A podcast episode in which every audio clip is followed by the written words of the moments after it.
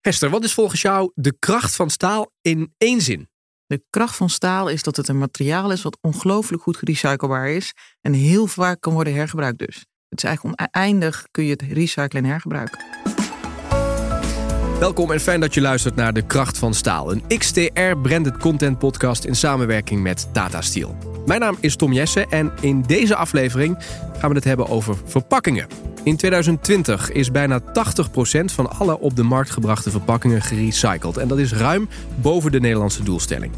Afval is niet het probleem, maar de oplossing in het duurzamer maken van Nederland. En hoe pakken we hier op door en werken we toe naar een circulaire economie? Daarover praat ik met mijn gast van vandaag, Hester Klein-Langhorst, directeur van Afvalfonds Verpakkingen. En in die rol tilt ze recycling in Nederland naar een hoger niveau. Welkom, fijn dat je er bent. Dank je, Tom. Om te beginnen even over dat afvalfonds. Wat doen jullie dagelijks? Ja, wat wij dagelijks doen is zorgen dat alle verpakkingen in Nederland gerecycled worden.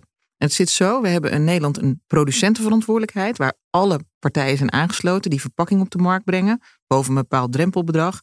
Uh, en die moeten voor aan ons betalen. En wij betalen dan weer aan een gemeente die het inzamelen. En er sorteerders en recyclers. En eigenlijk is dat ook zo bij elektronica en bij batterijen. En dat zorgt voor, omdat we het allemaal doen, dus iedereen moet dat doen. We hebben geen freeriders. En dat zorgt voor een level playing field, waardoor eigenlijk iedereen mee helpt. Alle grote bedrijven helpen dus mee aan de recycling. En het is een wettelijke verplichting. Dus we moeten dat doen van de overheid. En aan de andere kant is het privaat geregeld. Dus het is echt wel een heel uniek iets in Nederland. Um, ten opzichte van een heel aantal andere landen. Ja, en waarom is het nodig dat jullie er zijn, nu op dit moment? Op dit moment is het nodig omdat het echt een wettelijke uitvoeringsverplichting is. Dus we zijn een private stichting. We worden gewoon betaald en ook bestuurd door onze achterban, de producenten en importeurs. Maar we doen iets wat wettelijk moet.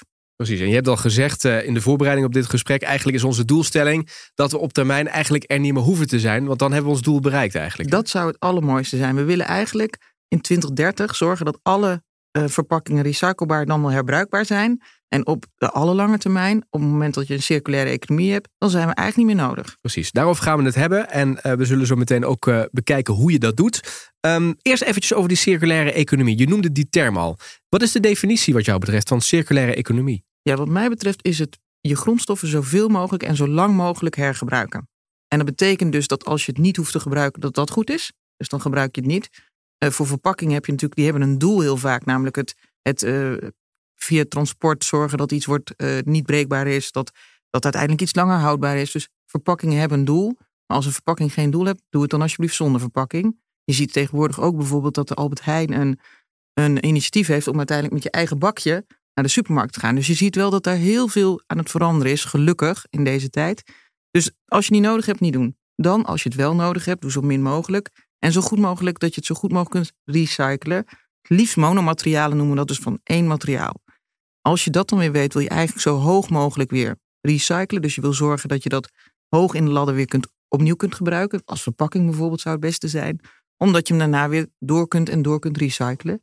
Nou, en dan inderdaad ga je uiteindelijk heb je altijd ook outlets nodig. Dus de bermpaaltjes, de automobielindustrie, dat soort dingen. Ja, dus eigenlijk is het een stappenplan. Dus uh, je, je, je, ja, je legt het mooi uit. Hè. Je zet iedere keer een, een next step eigenlijk om dat doel in 2030 te bereiken. Je noemde al een groot bedrijf. Jullie spelen natuurlijk een belangrijke rol. Hoe staat de consument er eigenlijk in? Ja, ik, ik geloof dat je het altijd makkelijk moet maken. Je moet zorgen dat de consument heel goed begrijpt. Want hij wil best wel. Hè. De meeste consumenten vinden het heel fijn om iets te doen. Hoe weet je dat? Nou, we hebben heel veel onderzoek gedaan. En, en de consument vindt het heel belangrijk eigenlijk om iets te doen voor het milieu.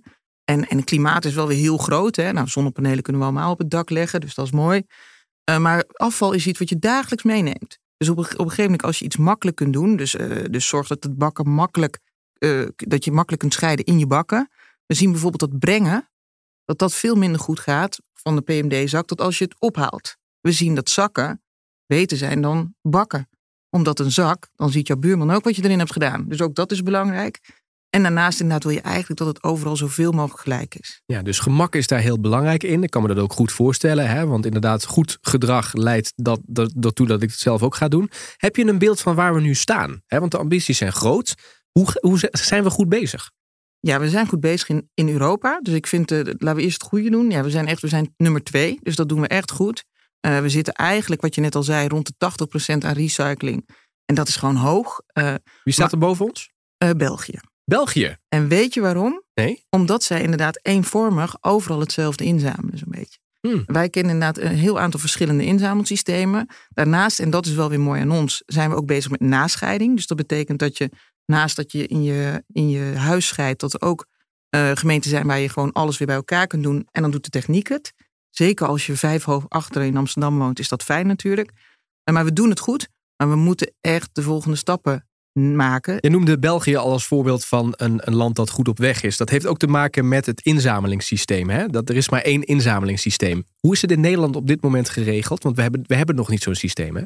Nee, bij ons is het eigenlijk zo dat elke gemeente dat zelf mag weten. Um, omdat we, nou, we kennen de zorgplicht voor gemeenten. Um, en daar, op basis daarvan hebben zij eigenlijk al hun, uh, hun afvalinzameling ingericht. Uh, we zien wel dat we met gemeenten nu in gesprekken zijn van wat zijn goede inzamelsystemen? Hoe wil je dat nou doen? Hoe zorgen we dat we die keten uiteindelijk inderdaad zo goed mogelijk sluiten? En daar staan ze ook echt wel voor open. Um, maar dat gaat natuurlijk niet van vandaag op morgen. Ze hebben geïnvesteerd in hun systemen. Uh, ze zijn ermee bezig met hun burgers. Als ze een keer over willen naar een ander systeem, dan willen ze liever niet dat nog een keer doen en nog een keer. Dus dat is nog niet zo makkelijk. Maar langzamerhand zie je dat we het gesprek steeds meer krijgen over wat is een goed systeem en wat niet. En dan zul je gaan zien dat er steeds meer uh, gemeenten naar eenvormigheid van systemen. Dus dan krijg je denk ik nog een aantal systemen in, in het einde. En nascheiding natuurlijk. Ja, wat grappig trouwens dat België dus uh, een, een, land is dat het uh, op dit gebied in ieder geval beter doet. Je zou misschien denken de Scandinavische landen, ja. maar het, is gewoon, het zijn onze zuiderburen die dit doen. Ja, de Scandinavische landen zijn heel goed in staatsgeld. Dus ah, die hebben een aantal goede stromen. Dat zijn sowieso ook mooie stromen, hè, staatsgeldstromen. Dus we hebben nu staatsgeld op pet. Straks krijgen we op blik. Staal dus ook inderdaad. En aluminium. Um, die, dat zijn mooie stromen, dat doen ze goed. Maar de brede fracties, zoals we het noemen, dus alle shitverpakkingen misschien, als we het zo te zeggen, dat doen zij niet. Ja. Uh, misschien uh, eventjes om de omvang hiervan aan te geven. Hè? Want recycling is eigenlijk overal. Maar het is misschien goed zodat we ook snappen ja, hoe belangrijk dit, dit is. En ook hoe groot de omvang ervan is om wat cijfers te, te nemen. Je hebt wat, wat, nou ja, wat uh, grafieken heb je meegenomen. Waar hebben we het over? Hoeveel blikjes, hoeveel verpakkingen?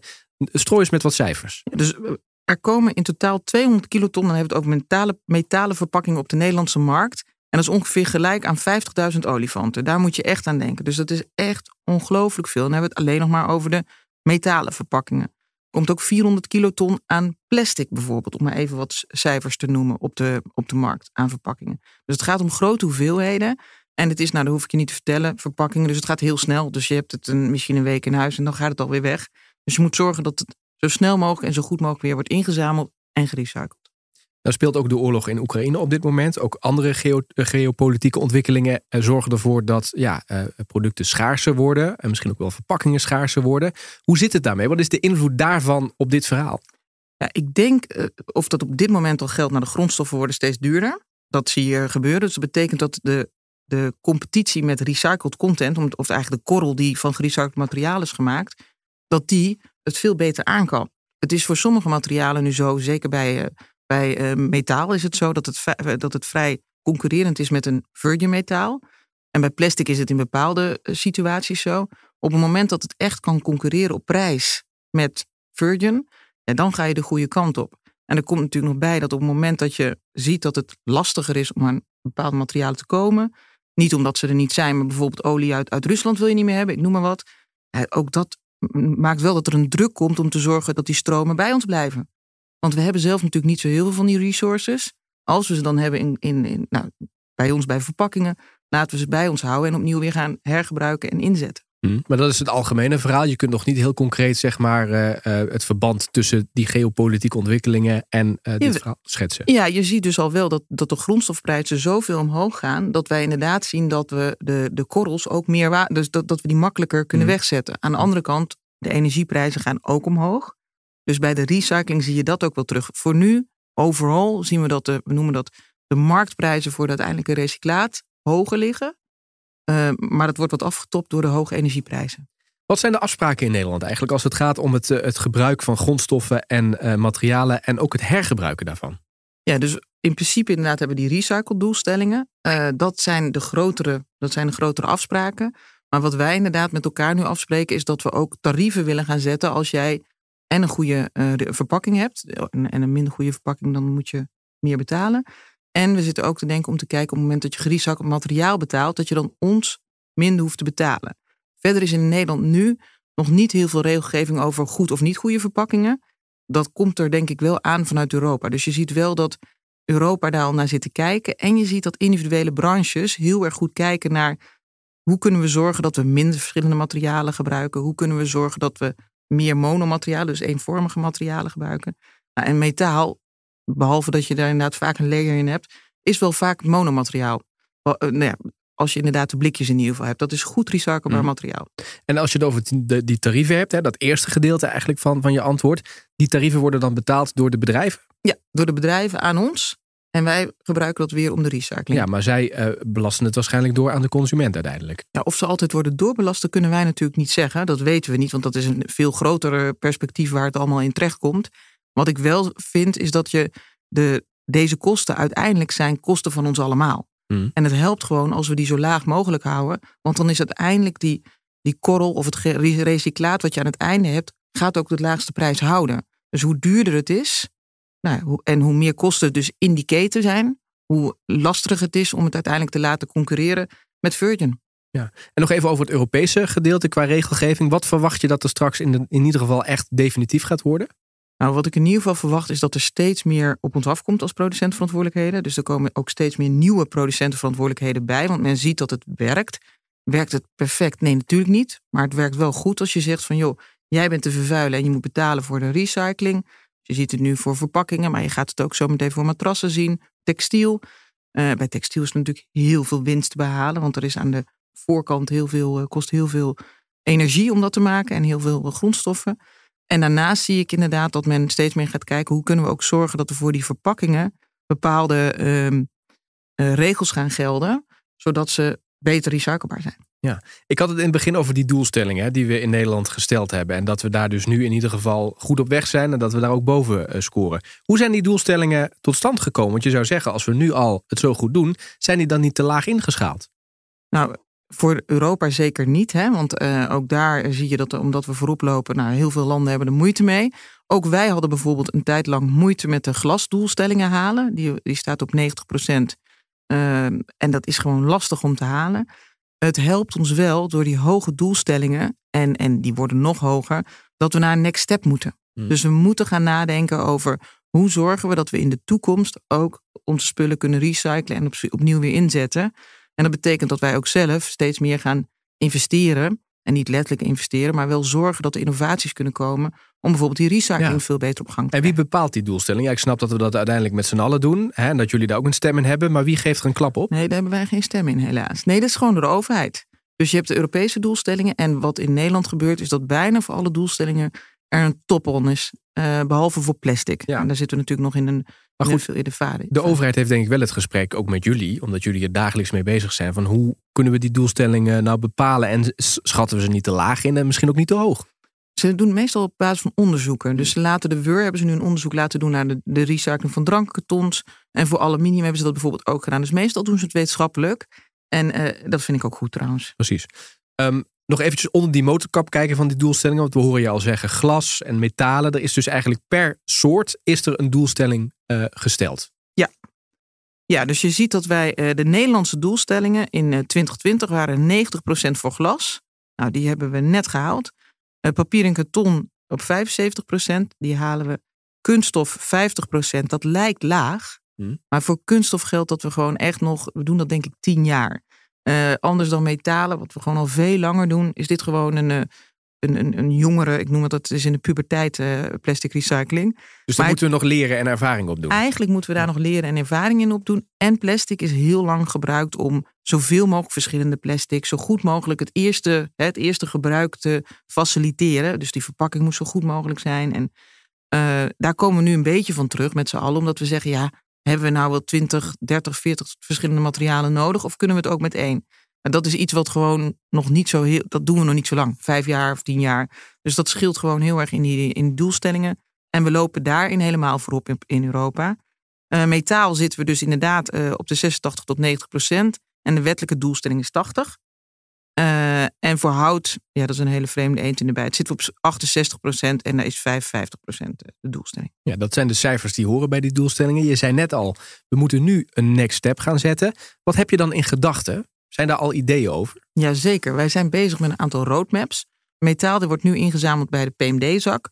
Of het gaat via de uh, AVI-bodemassen, zo noemen we dat. Hè, gaat het uiteindelijk, wordt het uit de oven gehaald. Wordt het verbrand. En Leg die termen eventjes uit voor mensen die natuurlijk niet dagelijks hiermee bezig zijn. Nee, dus de PMD is eigenlijk plastic, metaal en drankkartons. Als je het apart uh, scheidt bij, bij je huis. En als je dat niet doet, dan gaat het mee in de nascheiding, noemen we dat. En dan wordt het eruit gehaald, wordt het eigenlijk of voordat het de verbranding ingaat met een aantal uh, dan wel mee, uh, magneten, dan wel met, en we noemen dat eddy currents, die de aluminium eruit kunnen halen. Dan wel gaat het eruit via de, uh, wordt het verbrand en dan zien ze wat eruit komt in de bodemassen. Um, wat we nu willen gaan kijken samen met Stichting Kringloop Blik, hoe we kunnen zorgen dat we in de toekomst dat nog beter gaan doen, dat inzamelen. Want we zien toch bij de PMD-zak dat dat lastig is. Want dat plastic dat gaat zich in de metalen vormen. Dat is eigenlijk niet ideaal. En je hebt ook zo'n statiegeld op blik. Dus er gaat heel veel uit. Dus we gaan nu een onderzoek doen. Wat is nou voor de toekomst een goeie, goed inzamelsysteem voor eh, het blik wat overblijft eigenlijk? Ja. Hoe zit het met de, de perverse prikkels eigenlijk in de keten? Ja, wat we zien is dat er um, in de hele keten uh, steeds meer duidelijk wordt dat er een aantal uh, uh, afspraken zijn gemaakt die niet altijd goed zijn voor de circulaire economie. Ik denk dat ik zo moet zeggen. Kun je dus een voorbeeld daarvan noemen? Ja, dus bijvoorbeeld als je uh, inzameling en, en de kwaliteit is slecht, dus je doet heel veel rommel erbij, heel veel zooi zit erbij. We zien nu dat het soms uh, 50% vervuiling is. Dus dat betekent dat de helft van een zak vuil is. En dat is natuurlijk eigenlijk niet, niet te doen. Hè? Dan is het niet meer te recyclen. Um, dat op het moment dat je dat wel door laat gaan, dan verdienen partijen daar natuurlijk geld aan. Want ja, het, wordt, het moet door de overslag heen, het moet naar de sorteerder, die, heeft, die verdient er geld aan, naar de recycler. Op het moment dat je aan de voorkant zorgt dat het schoner is en dat je daar eigenlijk ook een plus voor krijgt, dan zul je waarschijnlijk in die hele keten zorgen dat het en, en beter gaat en die perverse prikkels eruit krijgen. Um, om uiteindelijk te zorgen dat je aan het einde het beste resultaat hebt. En waar ik heel erg voor pleit is transparantie. Want soms weten wij ook niet waar die prikkels zitten.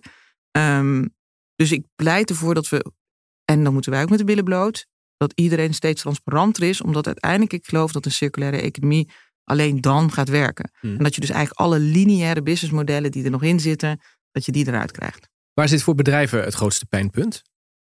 Ik denk dat die op een aantal punten. Dus ik denk dat de, mijn achterban, de verpakkingsindustrie om het zo te zeggen, of de, of de grote bedrijven, die zitten echt wel voor een challenge om uh, het laaghangend fruit. Nou, de meeste uh, verpakkingen die makkelijk, makkelijk recyclebaar te maken zijn, dat is er nu wel uit, denk ik. Dus ze zitten voor, wat ga je met een chipzak doen?